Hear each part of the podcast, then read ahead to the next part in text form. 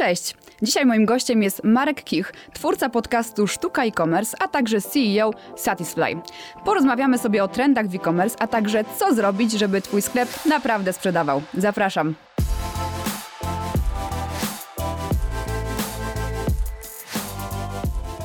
Cześć Marku. Cześć Marta. Y, witaj w naszych skromnych progach. Na chwilę przed wydarzeniem, które dzisiaj organizujesz w poznańskim Dublinerze, mm, moje całe studia tam były spędzone, więc y, wspominam to y, z sentymentem. Powiedz, jak nastrój przed eventem? No nastrój bojowy, słuchaj, no mam nadzieję, że będzie tak samo jak we Wrocławiu, czyli będzie dużo ludzi, fajna atmosfera, dużo fajnych tematów poruszonych, okazja do networkingu i z innymi właścicielami e-commerce'ów i z usługodawcami, bo to też przecież jest w tym równaniu ważne. No i że wszyscy wyjdą chociaż trochę mądrzejsi i pełni na edycję warszawską. Mhm. No właśnie, bo jaki jest cel eventu? To jest takie spotkanie luźne e, z branżą e-commerce, tak? Wiesz co, ja mam takie e, od jakiegoś czasu takie powiedzonko, że lubię jak właściwie ludzie rozmawiają o właściwych rzeczach, a my się mhm. staramy zrobić tak, żeby mieli po prostu jeszcze do tego właściwe miejsce i właściwą porę. Mhm. I chcemy, żeby ludzie się spotykali trochę po pracy, czyli w takiej mniej formalnej atmosferze, takiej, w której można wypić piwo, pogadać już sobie tak poza oficjalnym kanałem, czyli też powiedzieć o rzeczach, które bolą, które przeszkadzają, które stwarzają problemy, razem poszukać rozwiązań i, i faktycznie pogadać szczerze o tym, co się dzieje w e-commerce, bo często jest tak, że to, co jest w tych oficjalnych materiałach, nie oddaje mhm. tej rzeczywistości. Tak, a może to jest podcast, y, może to jest fajny motyw na podcasty, e, żeby no, ja zrobić staram, w takiej atmosferze. Tak, wiesz co, ja się staram też takie tematy poruszać.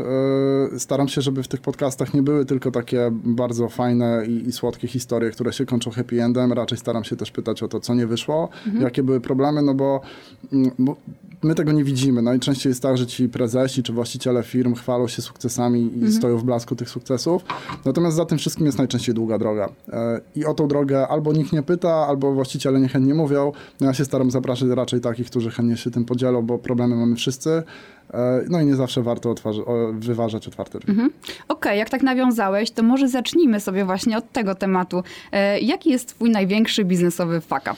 Nie spodziewałeś się. E, tak, nie spodziewałem się. Wiesz co, na pewno trochę było. To znaczy, ja w ogóle mówię, że jeżeli agencja, która wdraża e-commerce, mówi, że ma 100% zadowolonych klientów, to albo jest to bardzo młoda agencja i jeszcze po prostu nic nie zrobiła w życiu, albo zwyczajnie kłamią e, i budują sobie PR. I my tutaj absolutnie nie jesteśmy wyjątkiem. Zdarzały nam się wdrożenia, z których nie jesteśmy dumni, czy z powodów terminowych, czy z powodów budżetowych, czy z powodów, e, nie wiem, jakościowych. No, przez 10 lat trochę się tego nazbierało.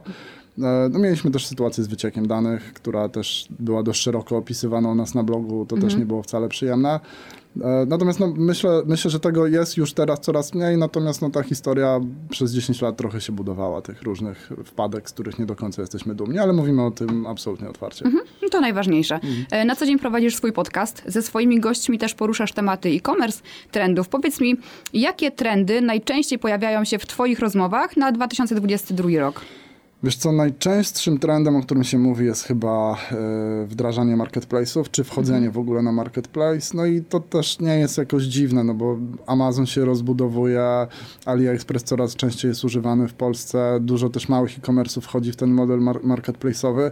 Z kolei dla właścicieli firm, biorąc pod uwagę, że koszt pozyskania klienta jest spory, koszt wdrożenia platformy jest spory, koszt marketingu jest spory, no to stając po drugiej stronie i wystawiając się na marketplace, no to właściwie ok, z jednej strony trochę tych klientów wypożyczamy sobie do, e, z, z marketplace'u i to może nam zostać odebrane.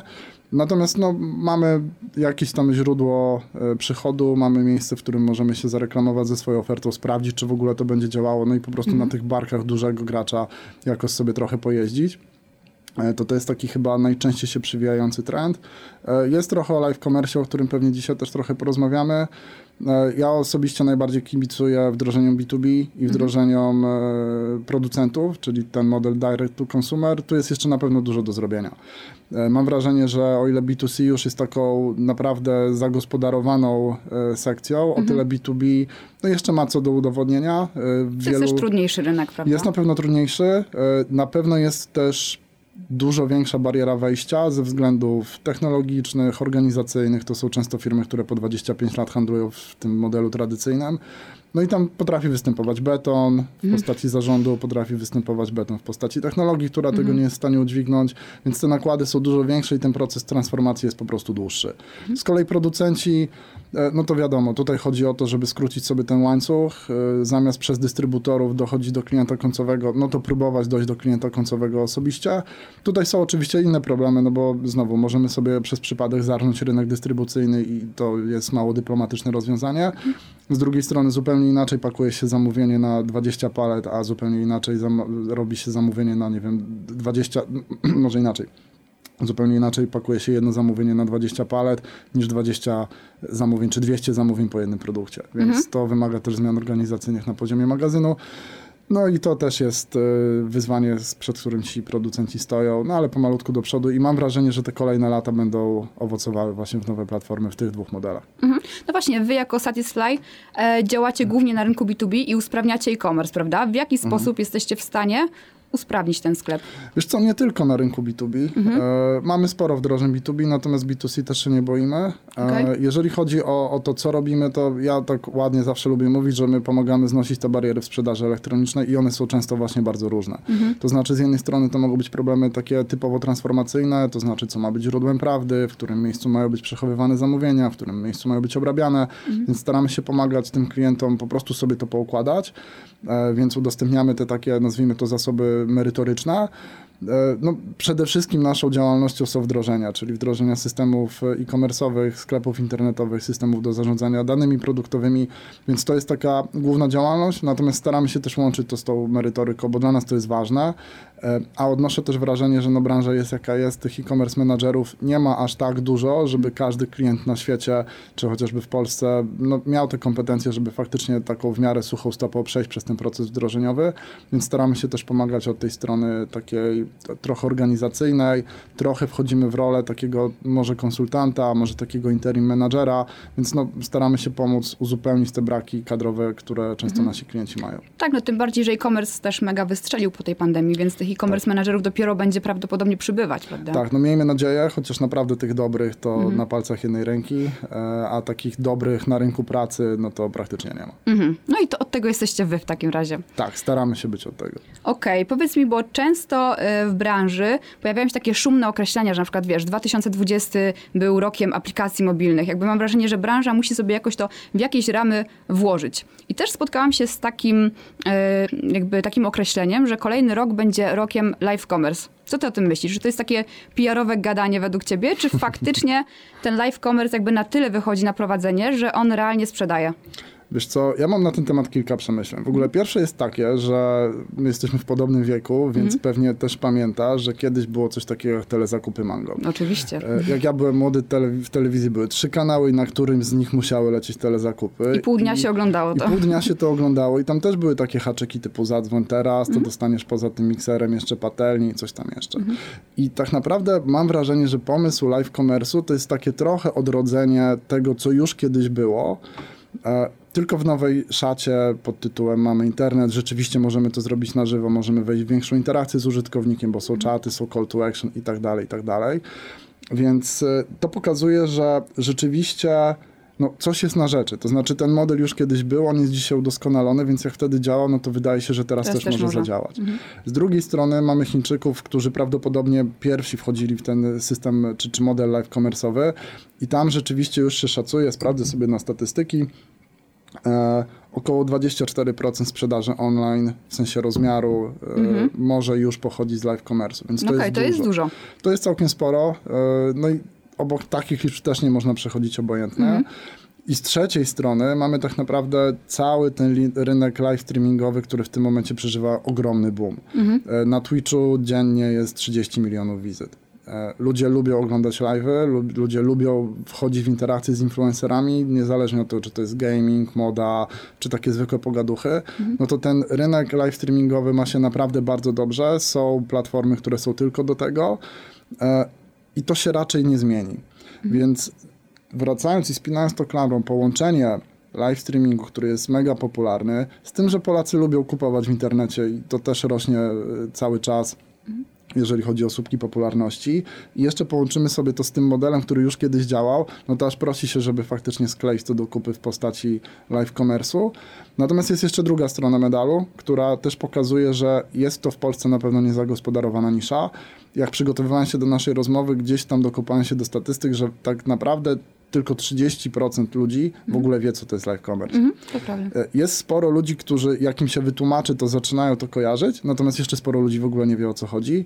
Oczywiście ta granica wiekowa ma tutaj duży wpływ, to znaczy ludzie trochę starsi od nas praktycznie w ogóle nie rozumieją tego pojęcia, a ludzie trochę młodsi od nas rozumieją je coraz bardziej. E, I wydaje się, że to jest taka, ta, ta młodsza grupa użytkowników, młodsza grupa klientów jest takim pierwszym, e, nazwijmy to, tą pierwszą grupą docelową, do której warto z tym uderzać. Generalnie głównie zetki raczej, nie? Raczej głównie Bo ze nawet milenialsi, ja na przykład nie wiem, czy tobie się zdarzyło kiedyś kupić coś przez live'a, mi nie. No jeszcze mi się nie zdarzyło. Wiesz co, ja się śmieję, że jestem w ogóle takim late majority najczęściej, czyli już cały świat coś przeora, I sprawdzi. wtedy wchodzisz, okej, to teraz Tak, to spróbuję. teraz ja to spróbuję zrobić, bo już wtedy na pewno się nic nie stanie. Jak się coś stanie, to sprawdzę przez internet, jak to naprawić. Więc mi się jeszcze nie zdarzyło. Natomiast e, to wynika też prawdopodobnie z tego, że ja nie jestem z tego pokolenia, które ma telefon przyklejony do ręki.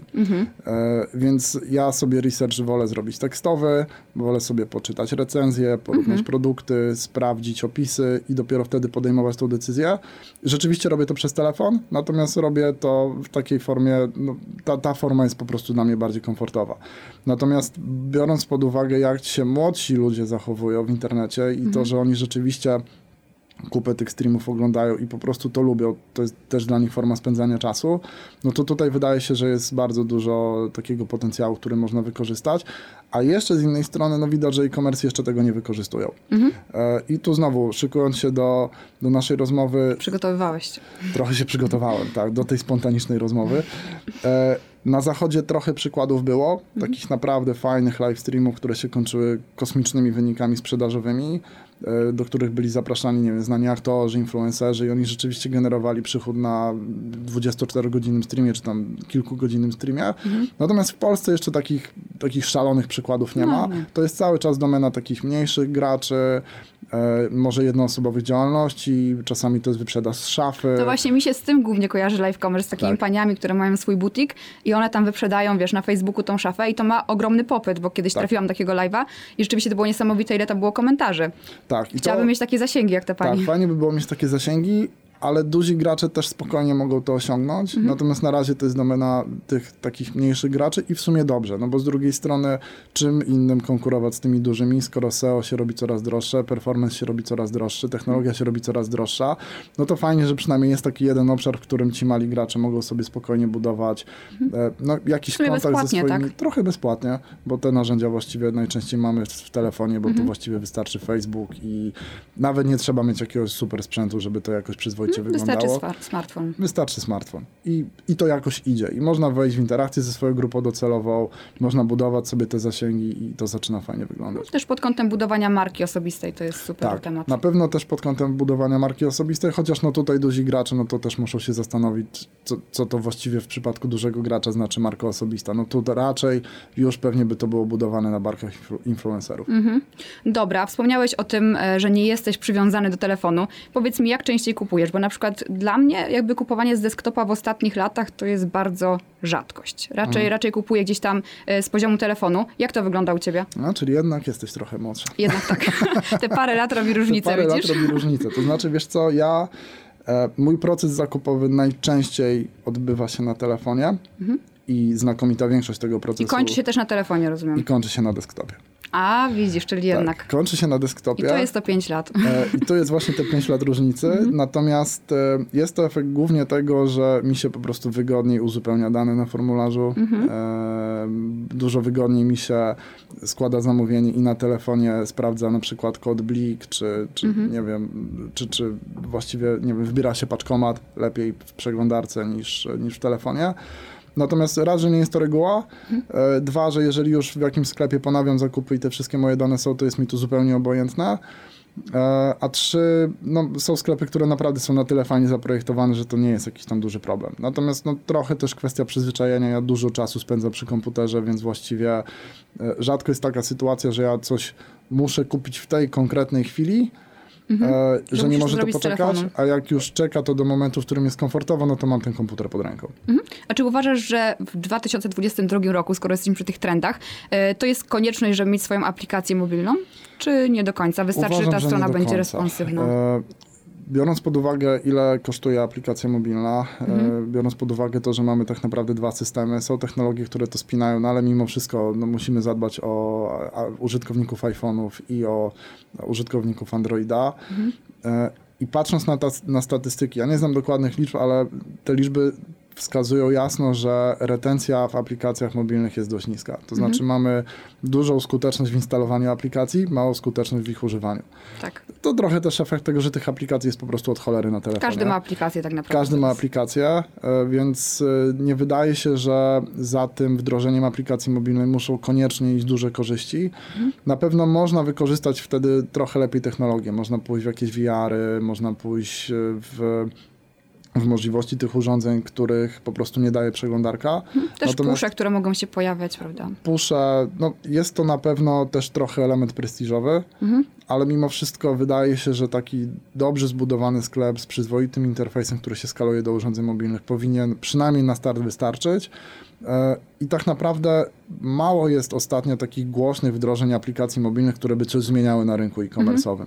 Mhm. Te aplikacje są często takim po prostu dodatkiem, Natomiast na pewno grzechem byłoby mieć sklep niedostosowany do mobila, niezależnie od tego, czy ma się aplikację, no bo statystyki pokazują jasno, że tak grubo ponad 50% ruchu właśnie jest z telefonów komórkowych. Mhm. Okej, okay, a skoro jesteśmy przy tych grzechach, to jaki jest taki największy grzech e-commerce'u według ciebie? Co najbardziej powoduje, że jesteś w stanie porzucić koszyk? Myślę, że chyba takim największym grzechem, jaki można sobie wyobrazić, to jest y, ukrywanie kosztów, mhm. które się pojawiają po prostu za późno. Szczególnie jeżeli koszt dodatkowy jest wysoki w relacji do kosztu produktów, czyli na przykład koszt transportu produktu za 10 zł wynosi 15 zł i dowiadujesz się o tym na koszyku. Mhm. No to, to robi dużą zmianę. Jeżeli, no okej, okay, to są małe kwoty, natomiast mimo wszystko dowiedzenie się o tym zbyt późno na pewno nie pomaga. E, na pewno porzuciłbym koszyk w momencie, kiedy nie byłbym pewien sklepu, w którym kupuję i byłaby to wysoka kwota, czyli wszelkie kwestie e, dobrze opisanych regulaminów, tego, że ten sklep nie wygląda jak słup, dobrze skomponowanych danych produktowych, to, to wszystko jest na pewno ważne i to by też y, sprzyjało temu, żebym tego zakupu dokonał. No i to taka podstawowa higiena, czyli odpowiednie metody dostawy, odpowiednie metody płatności. No w tym momencie, jeżeli ktoś nie ma paczkomatów, mhm. to, to ma duży problem. trochę ciężko. No mhm. niestety tak jest. A, a, dużo sklepów nie ma. I, I, to jest w ogóle mhm. często pierwsza rzecz, która wychodzi duże sklepy. Nawet duże sklepy. Mm, bodajże Zalando nie ma? Chyba. E, I tak. Może no. nie powinniśmy rzucać markami, ale, ale chyba tak. tak Wiem, że jakiś jeden z takich gigantów e, e-commerce'owych nie ma i zawsze mi to przeszkadzało rzeczywiście. Tak, wiesz co, ja kiedyś rozmawiałem o tym z jedną właśnie z dużych firm i tam wychodziło na to, że jakby problem paczkomatów polegał też trochę na takim transporcie międzynarodowym. Mhm. Czyli wszystko, co idzie z Polski paczkomatem może dojść, natomiast jeżeli coś idzie na przykład z Holandii, no to już się robi z tym problem, trzeba to do Polski najpierw dostarczyć. E, z tego co wiem, to są prace, żeby to jakoś poprawić, mhm. E, natomiast rzeczywiście bywają gracze duzi, którzy jeszcze paczkomatów nie oferują. Natomiast e, Zalando, skoro już jesteśmy przy Zalando, no to oferuje dostawy do, do innych punktów. Mhm. I generalnie chodzi o to, żeby mieć jak, jakąkolwiek dostawę do punktów. Paczkomatów jest najwięcej, ale żabek też jest sporo. I mhm, wydaje się, że to też, też rozwiązuje ten problem, szczególnie w dużych miastach, gdzie żabka jest właściwie na każdym osiedlu. Okej, okay, a taka twoja ulubiona metoda płatności, bez czego sobie nie wyobrażasz totalnie e-commerce'u? Bez bliku. Bez bliku. No, na okay. pewno. A portfele elektroniczne? Nie używam. Okay. Nie używam, Blich mi wystarczy mhm. e, i, uważam, że akurat to jest jedna z tych rzeczy, którą jako Polska możemy się naprawdę chwalić. Wyprzedziliśmy tym Zachód i mhm. jest to po prostu najwygodniejsze. E, bardziej też fajnie się rozwija ten Blik, prawda? Tak, tak, portfele elektroniczne nie, natomiast wiem, że też mają dość wysoką skuteczność, jeżeli chodzi o sprzedaż przez internet, także na mhm. pewno no, wszystko, co się wiąże z możliwością zapłacenia przez telefon, nie latania po portfel jest po prostu czymś fajnym. Mhm. Dobrze i powiedz mi tak na zakończenie, gdybyś zakładał teraz y, swój e-commerce jako przedsiębiorca, y, marketplace czy swoja strona? Na, na, ostatnie 30 minut naszej rozmowy. to teraz dopiero zaczynamy podcast. tak, to teraz możemy zaczynać. Nie, wiesz co? E, to zależy. Zależy mhm. tak naprawdę od tego, jaki mam budżet e, i jak szybko jestem w stanie zbudować jakąś masę użytkowników, no bo konwersja... Zakładając, że jakby to jest taki początek twój.